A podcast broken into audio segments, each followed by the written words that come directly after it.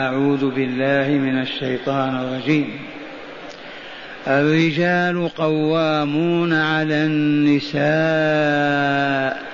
بما فضل الله بعضهم على بعض وبما أنفقوا من أموالهم.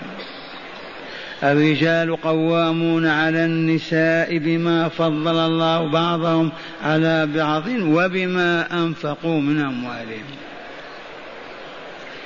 الرجال قوامون على النساء بما فضل الله بعضهم على بعض وبما أنفقوا من أموالهم. يذكر الحكم وعلته. آمنا بالله. فالصالحات قانتات حافظات للغيب بما حفظ الله واللاتي تخافون نشوزهن فعظوهن واهجروهن في المضاجع واضربوهن. فإن أطعنكم فلا تبغوا عليهن سبيلا. هذه الآية الأولى. نكتفي بها ونترك الثانية إلى يوم آخر إن شاء الله. ختامها إن الله كان عليا كبيرا.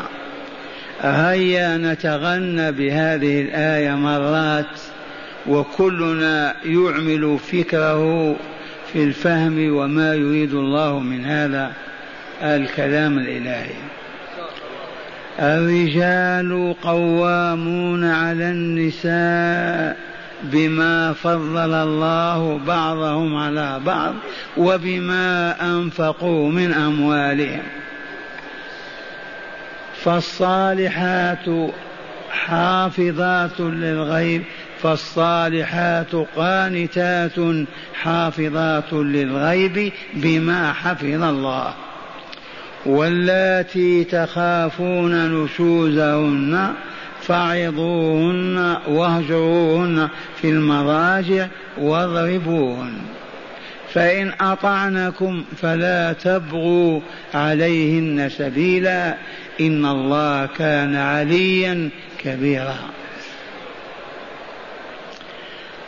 الرجال قوامون على النساء بما فضل الله بعضهم على بعض وبما أنفقوا من أموالهم. إذا فالصالحات قانتات حافظات للغيب بما حفظ الله. واللاتي تخافون نشوزهن فعظوهن واهجرون في المضاجع واضربوهن. فإن أطعنكم فلا تبغوا عليهن سبيلا. إن الله كان عليا كبيرا. معاشر المستمعين والمستمعات من المؤمنين والمؤمنات قول ربنا جل ذكره الرجال قوامون على النساء. الرجال جمع رجل. الرجال جمع رجل. وعندنا لطيفة أنفس بها عن ضيق بعض النفوس. ولا بأس كان في الديار المغربية عالم سلفي كبير توفي رحمة الله عليه. ومن عجائبه أنه كان مسؤولا عن المدرسين في المسجد النبوي أيام دخول السلطان عبد العزيز رحمة الله عليه. أحد تلامذته قال له لقيت رجلا في كذا قال تأدب. أين الرجال؟ قل لقيت ذكرا. أين الرجال؟ لقيت ذكرا. في الشارع. أما رجل ويشهد لهذا قول الله تعالى وجاء رجل من أقصى المدينة يسعى. قال يا موسى إن الملأ يأتمرون بك. إذا فكلمة رجل تدل على الفحولة وكمال الرجولة الرجال قوامون على النساء. ومعنى قوامون قائمون. الرجل قيم على امرأته قائم عليها قوام عليها. إذ هو الذي يحفظها وهو الذي يطعمها ويسقيها. وهو الذي يدخل السرور والفرح على نفسها. فحياة المرأة مرتبطة بحياة الرجل. وهم كجسم واحد بعضهم من بعض. إذا فالرجل لكمال خلقته وفطرته وما أودع الله فيه من قوى لا توجد في المرأة. والخالق هو الله عز وجل ففرق في الخلقة بين الرجل والمرأة بين الذكر والأنثى. وهذا مشاهد في الحيوانات فهل الديك كالدجاجة؟ الدجاجة تملك تلك العنترية وذاك الصوت؟ فهل التيس ذكر العنز كالعنزة؟ هل الكبش كالنعجة؟ هل الثور كالبقرة؟ هل الجمل كالناقة؟ من يقول إيه؟ من فرق بينهما؟ الخالق العليم الحكيم.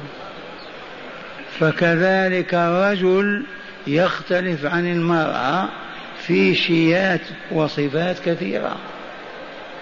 تلك الصفات أهلته للقيام بشؤون المرأة. أقدر منها وأقوى على ذلك. إذا قال تعالى رجال قوامون على النساء بسبب ماذا؟ بما فضل الله بعضهم على بعض. أي بتفضيل الله تعالى بعضهم على بعض. في الخلقة وفي الفطرة وفي غيرها من الصفات. ومن قال المساواة فهو كافر كافر كافر. لا يقبل منه انتساب إلى ملة الإسلام ولا إلى اليهودية والنصرانية. الله يقول فضل الله بعضهم تقول لا لا لا ما في. يبقى إيمان أو إسلام؟ هذا النغم هذا الصوت صوت يهودي لفتنة البشرية وإهباطها لتصبح قابلة لأن تسودها الماسونية وتقودها إلى جهنم. وإنما العجب لمن يعرضون عن كتاب الله ويجهلون ما فيه ويمشون وراء تعاليم الماسونية في المجلات والصحف وفي المحاضرات والكلام. من قرر هذا التقرير؟ أليس الله؟ هذا كلام من؟ في من يقول كلام غير الله؟ إذا كلام أمك أم أبيك؟ هل رفع رأسه إنسان قال هذا كلامي أو كلام فلان؟ هذا كلام الله. الرجال الفحول الأقوياء القادرون أولو البصائر والنواء قوامون على النساء. أولا بتفضيل الله تعالى بعضهم على بعض. في الخلقة والفطرة والعلم والمعرفة والطاقات المختلفة. ثانيا وبما أنفقوا من أموالهم. أي وبإنفاقهم عليهن من أموالهم. فالذي ينفق هو الذي يسود وإلا لا؟ أو الذي ينفق عليه هو السيد. أيعقل هذا الكلام؟ إذا وبإنفاقهم وليس خاصا هذا بالمهر فقط وإن كان المقصود المهر وهو يشمل لكل النفقات التي ينفقها الرجل على المرأة. يسود هذا وإلا لا؟ واذكروا قول الحبيب صلى الله عليه وسلم وهو كلام فوق مستويات البشر يقول خادم القوم سيدهم. آتوا علماء النفس الاجتماع ينقضون هذه؟ والله ما ينقضونها. لأنها نبعت من مصدر الحكمة من أستاذ الحكمة ومعلمها. هذا محمد رسول الله صلى الله عليه وسلم. سيد القوم خادمهم تريد أن تسودنا؟ اخدمنا. فلما كان رجل هو الذي يخدم المرأة إذا كان سيدها ولا لا؟ الآن في البيت ينزل ضيوفك فالذي يقوم بسقهم وإطعامهم هو السيد. أليس هو السيد؟ إذا من أراد أن يسود فليعمل الخير وليبذل المعروف لغيره. سادة. ومن تفسير كلمة الصمد وهي اسم من أسماء الله تعالى سئل بعض الأعراب بما ساد فيكم فلان. بما ساد فيكم ما سبب السيادة عليكم؟ قال الأعرابي بالفطرة احتجنا إليه واستغنى عنا. احتجنا إليه واستغنى عنا بهذا سادنا. والله تعالى هو الصمد الذي استغنى عن كل مخلوقاته وافتقر إليه كل مخلوق من مخلوقاته فكان الصمد. خادم القوم سيدهم. اذا الرجل يخدم المرأة وإلا لا؟ يكفي أنه يموت دونها. اذا فساد ولا لا؟ فهو سيء الرجال قوامون على النساء بشيئين. اولا بما فضل الله بعضهم على بعض. في الخلقه والفطره والفهم وكل الطاقات. تفاوت كبير. ومن أراد أن يستبصر هل المرأة تبعث نبيا أو توصل رسولا؟ الجواب لا. هل المرأة تعين أميرة تحكم الناس؟ الجواب لا. هل المرأة تعين قاضية تقضي بين الناس؟ الجواب لا. يا شيخ قضوها ووزروها جعلوها وزيرة وقاضية من هؤلاء أنبياء الله أم رسله؟ أهل ولايته أم عالمو شريعته هؤلاء ممن ذابوا في تيار العلمانية والصليبية والماسونية. يستشهد بهم الرسول هناك قال لن يفلح قوم ولوا أمرهم امراء اشيروا لي. الاقليم الفلاني افلحوا هاتوا. لأن رئيسة الوزراء امرأة. أو الحاكم ما أشيروا موجود. أو تفسرون الفلاح. بالطعام والشراب والنكاح هذا هو الفلاح. الفلاح أن يسود البلاد الطهر والصفاء والمودة والإخاء والمحبة والولاء والتعاون على البر والتقوى. فتتجلى حقائق الطهر والكمال البشري في الدنيا. والنجاة من النار ودخول الجنة يوم القيامة. الرجال قوامون على النساء بسبب ماذا؟ بما فضل الله بعضهم على بعض اولا وبما أنفقوا من أموالهم ثانية العجيب أن هناك نساء في ديار الكفر هي التي تدفع المهر. نغزة شيطانية يهودية.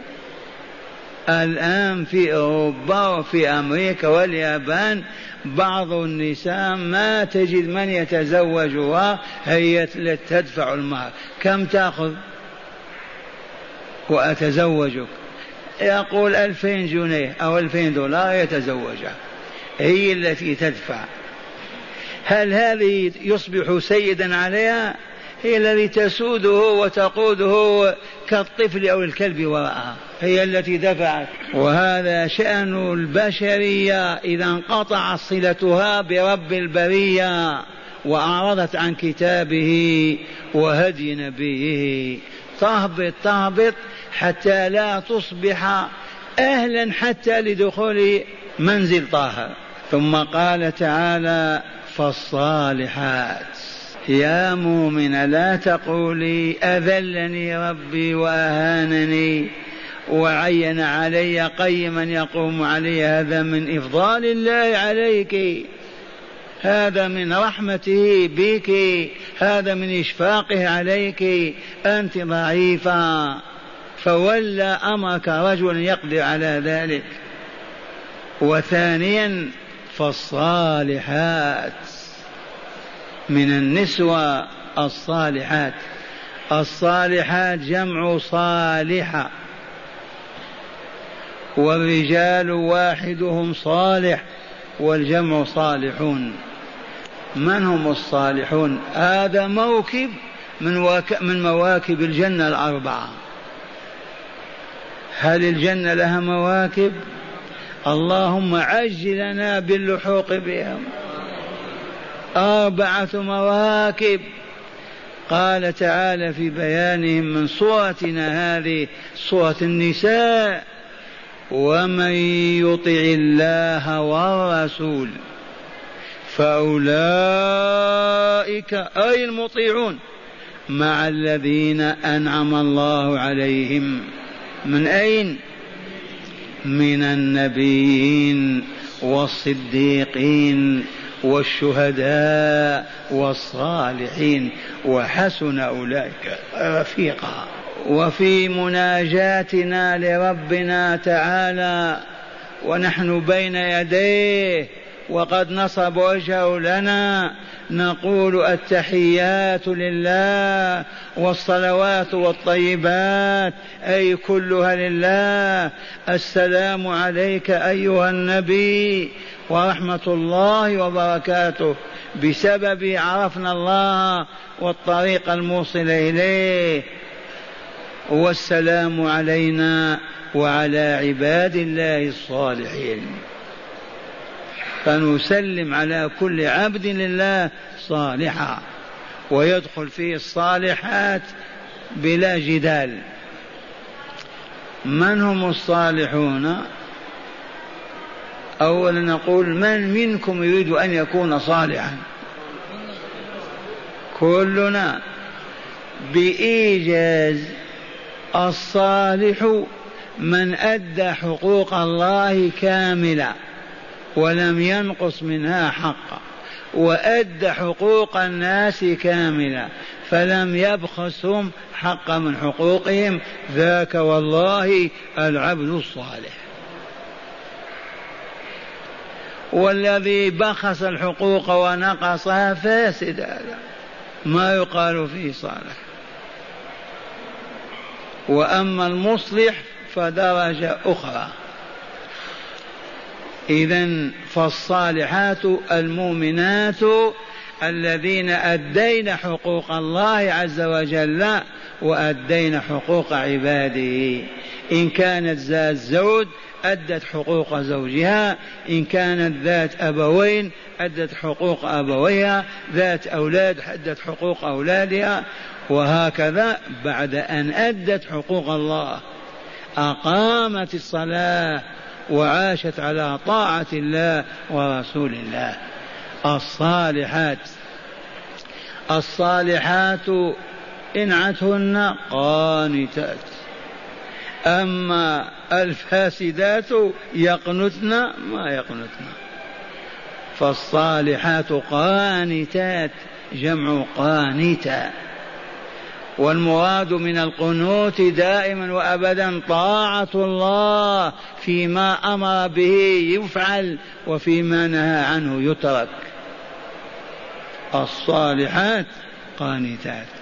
أي مطيعات لله في أمر ونهي ومطيعات لأزواجهن في الأمر والنهي كذلك.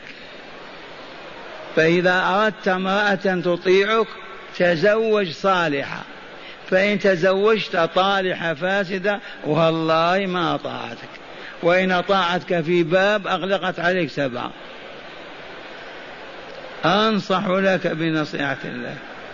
يا من يرغب أن يتزوج تزوج الصالحة كيف نعرفها اسأل.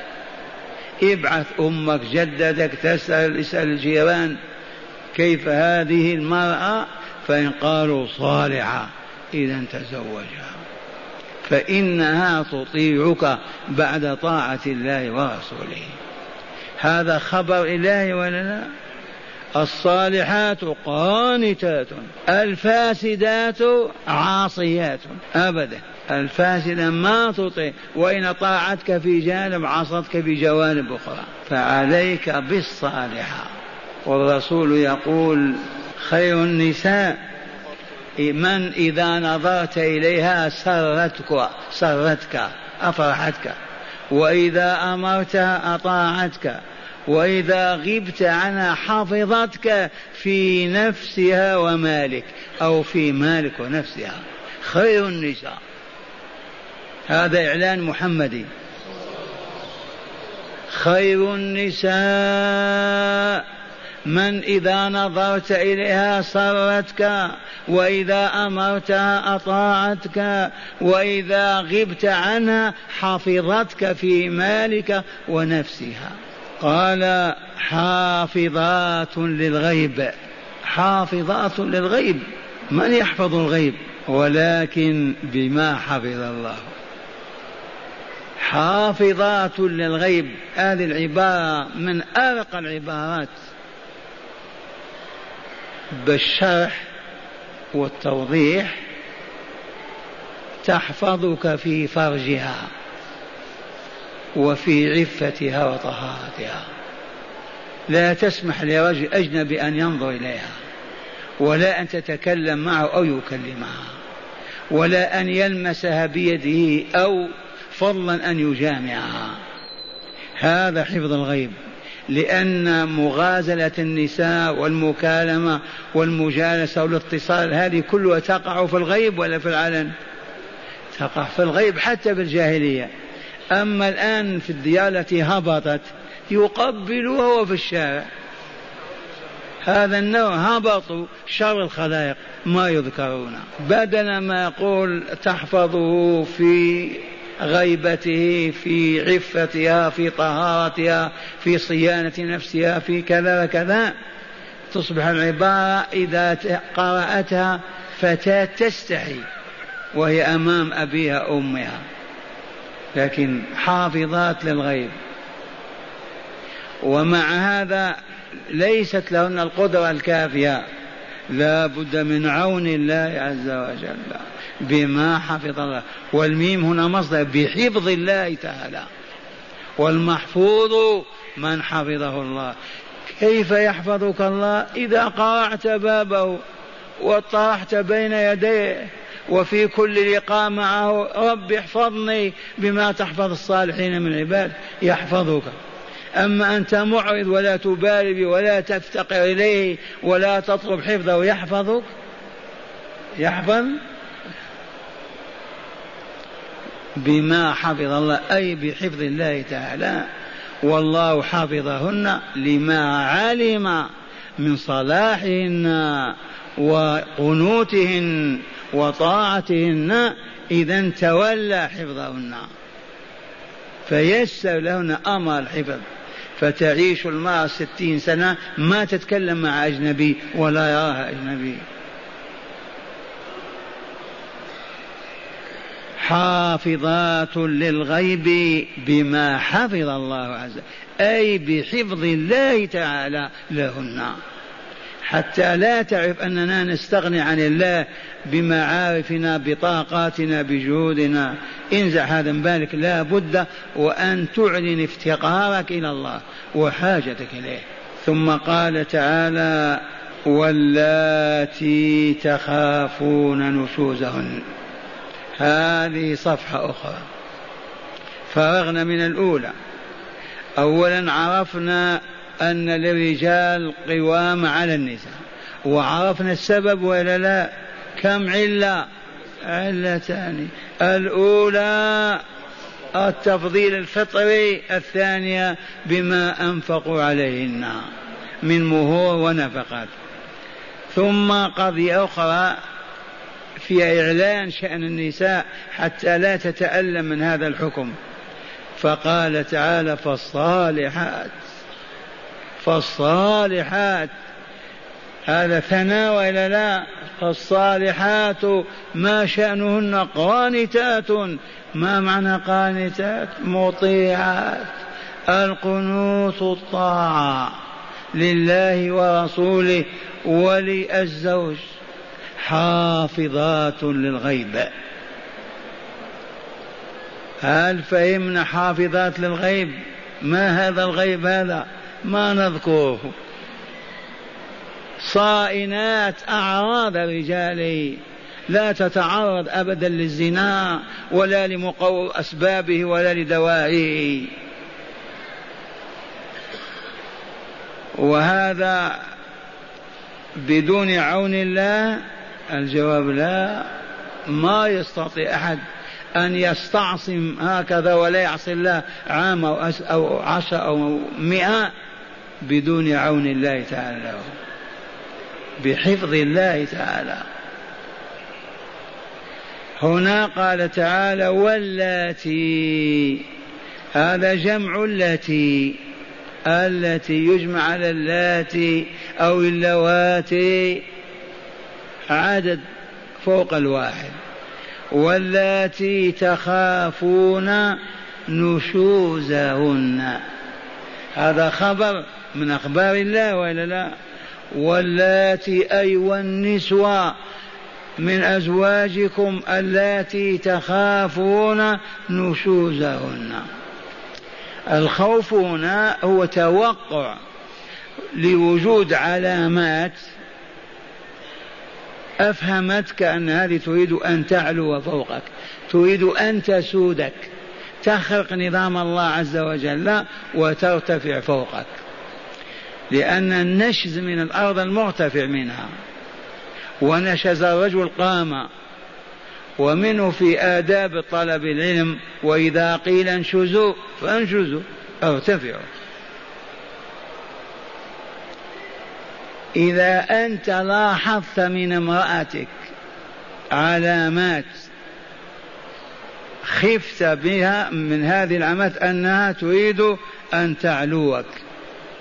أن تسود عليك وتترفع أو تفقدك القيادة وحينئذ تصبح تحتها. ماذا تصنع؟ واللاتي تخافون نشوزهن. هذا الخوف لا بد له علامات ولا لا؟ من علاماته يا أم فلان اسكت عني أنا مشغولة. السلام عليكم. مثلك ما يرد عليه السلام. لأنك تأخرت علينا. ما جبت الخبز.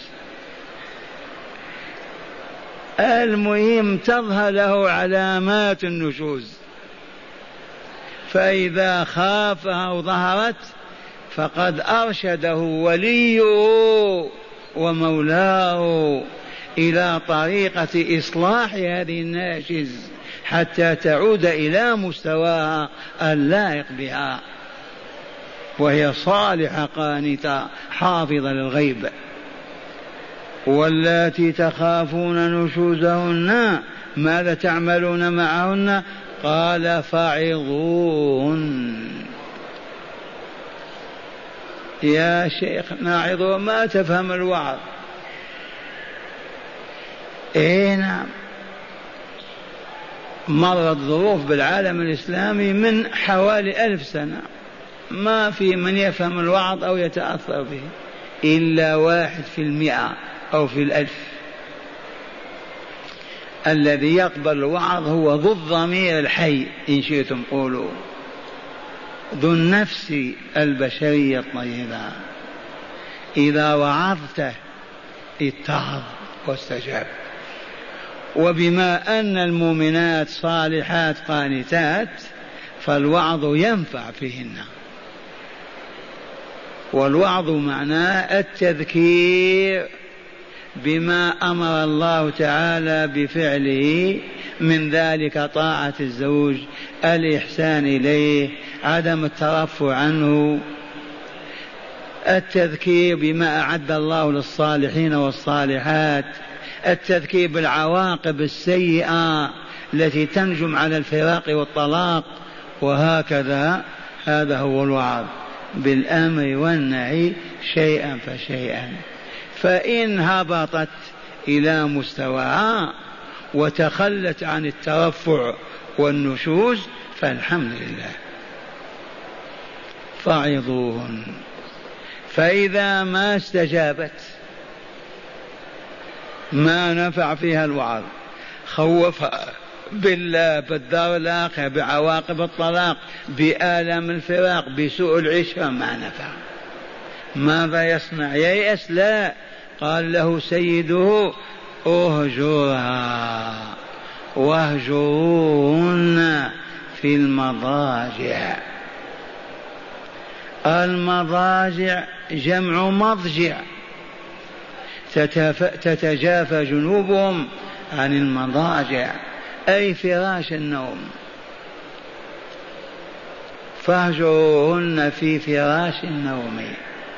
لا تهجر في البيت تدخل لا تسلم عليها تناديك ما تجيبها تغمض عينيك ما تنظر إليها.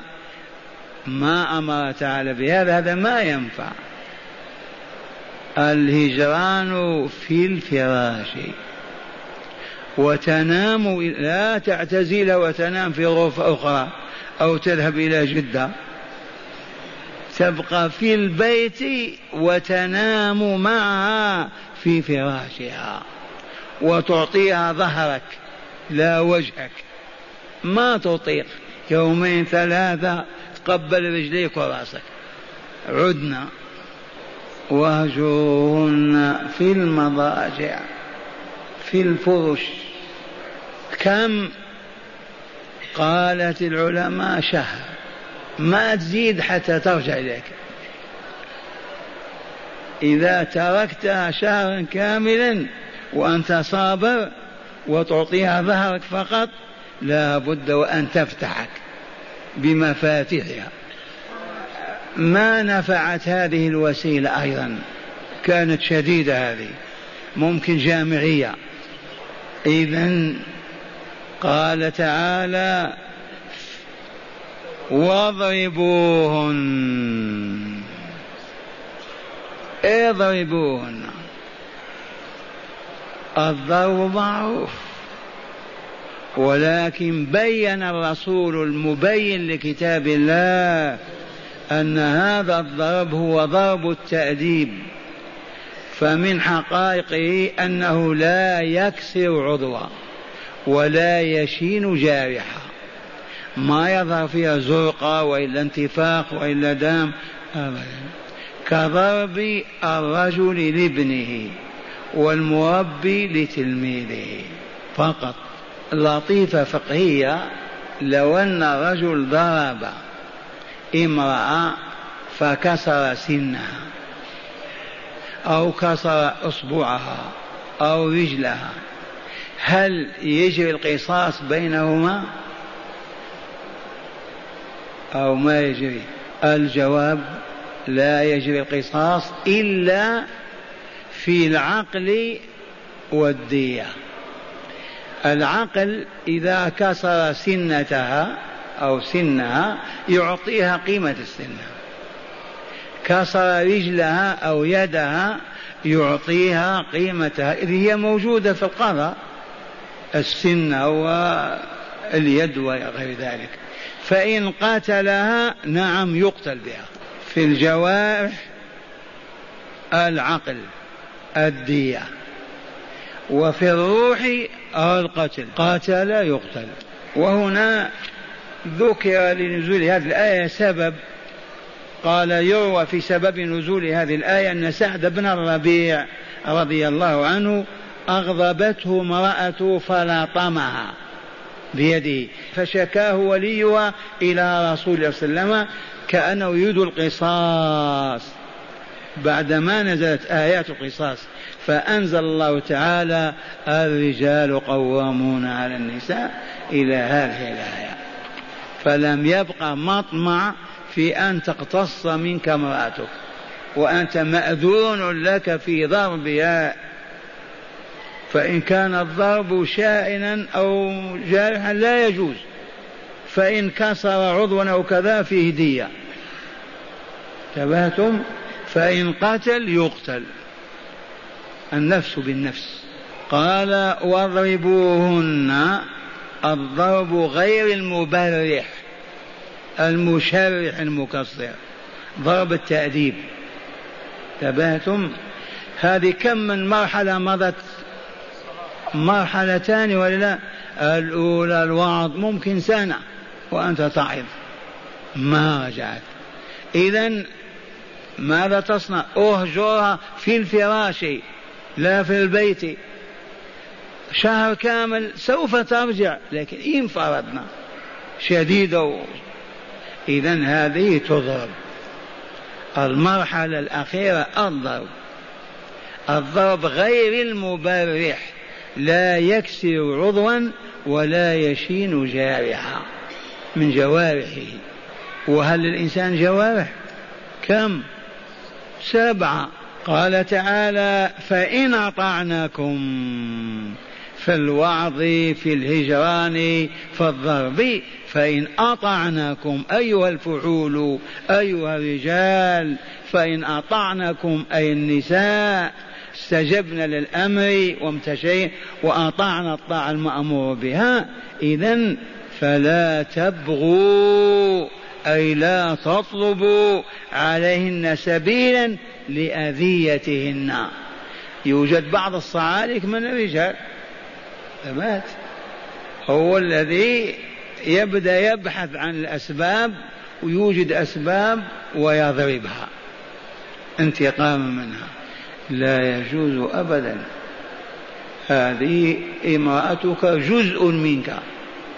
بضع بضع منك. أنت وهي تكونان جسم واحد.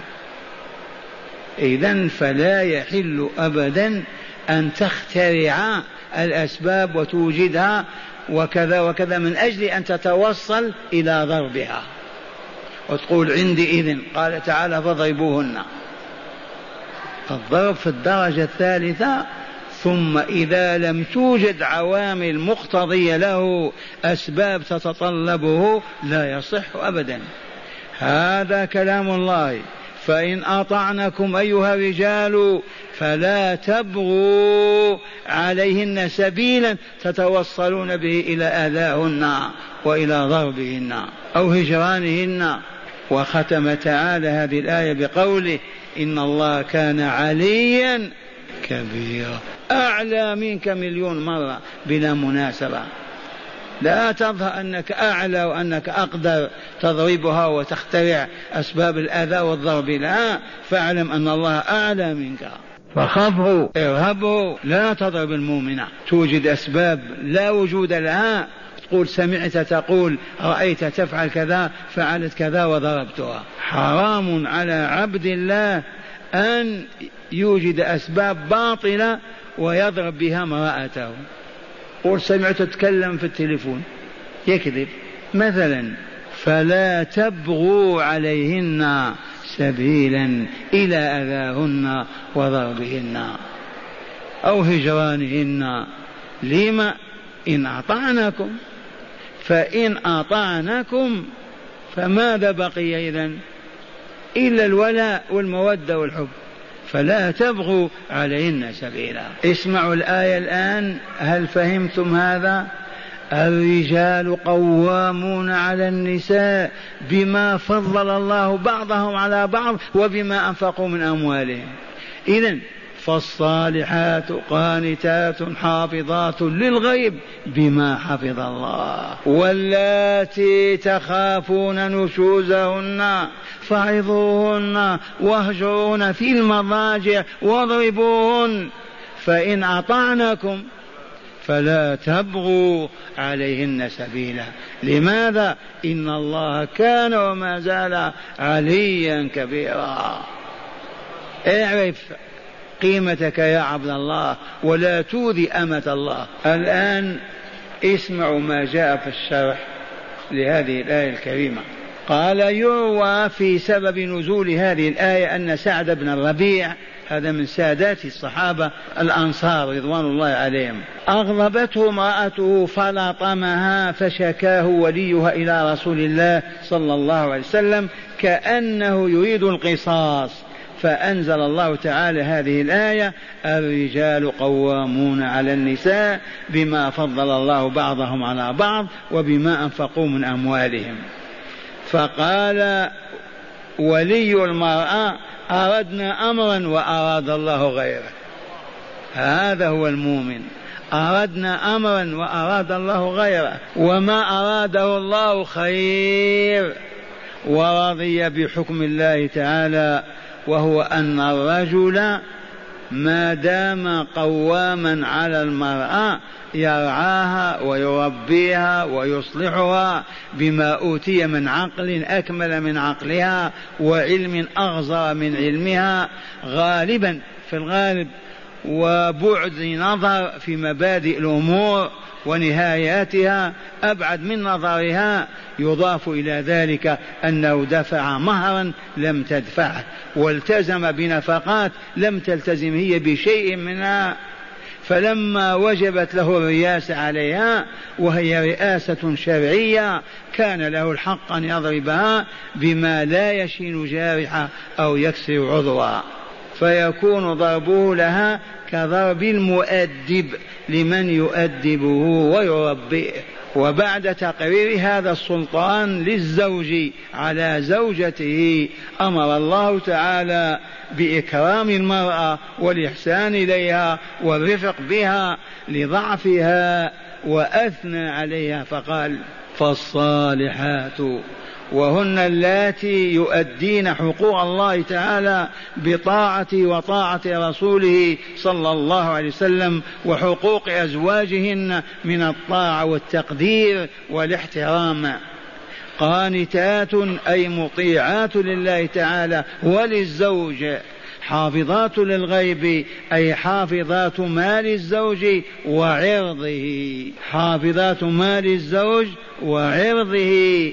كلمة عرضي يعرفها كل الناس. لحديث وإذا غاب عنها حفظته في نفسها وماله. قرأنا الحديث الآن ولا لا؟ خير النساء من إذا نظرت إليها سرتك وإذا أمرتها طاعتك وإذا غبت عنها حفظتك في نفسها ومالها ومالك وماله قال بما حفظ الله أي بحفظ الله تعالى لها وإعانته لها إذ لو وكلت إلى نفسها لا تستطيع حفظ شيء وإن قل أليس كذلك؟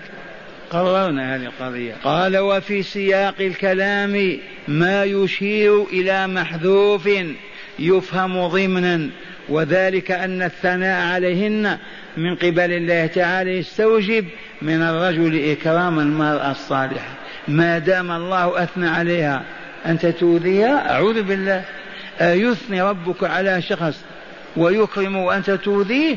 أعلنت الحرب. على الله إذا. وفي سياق الكلام ما يشير إلى محذوف يفهم ضمنا وذلك أن الثناء عليهن من قبل الله تعالى يستوجب من الرجل إكرام المرأة الصالحة والإحسان إليها والرفق بها لضعفها. وهذا ما ذكرت أولا نبهت عليه هنا ليعلم أنه من دلالة الآية الكريمة. وقد ذكره غير واحد من السلف.